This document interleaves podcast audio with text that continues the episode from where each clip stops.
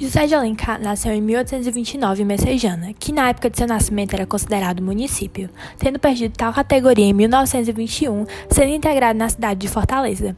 Nascido de uma relação considerada escandalosa para a época, seu pai era sacerdote da Igreja Católica. Sua paternidade foi reconhecida através de um documento que registrava que o padre José Martiniano de Alencar, já sendo clérigo de ordens sacras, contraiu amizade ilícita e particular com Dona Ana Josefina de Alencar, sua prima no primeiro grau, e dela teve 12 filhos. José de Alencar foi o primogênito do casal, e seu apelido em casa era Cazuza.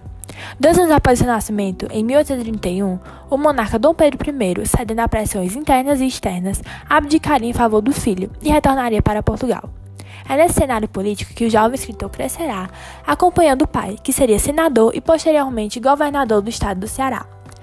Transferiu-se para o Rio de Janeiro e José de Alencar, então com 11 anos, foi matriculado no Colégio de Instrução Elementar, em 1844. Matriculou-se nos cursos preparatórios da Faculdade de Direito de São Paulo, começando o curso de Direito em 1846.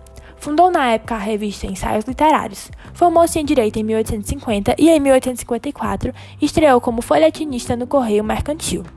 Em 1856, publicou o primeiro romance, Cinco Minutos, seguido de A Viuvinha em 1857.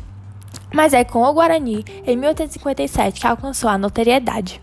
Estes romances foram publicados todos em jornais e só depois em livros. Em 1859, tornou-se chefe da Secretaria do Ministério da Justiça, sendo depois consultor do mesmo. Em 1860, ingressou na política como deputado estadual no Ceará, sempre militando pelo Partido Conservador, Brasil Império. Em 1878, tornou-se ministro da Justiça, ocupando o cargo até janeiro de 1870. Em 1869, candidatou-se ao Senado do Império.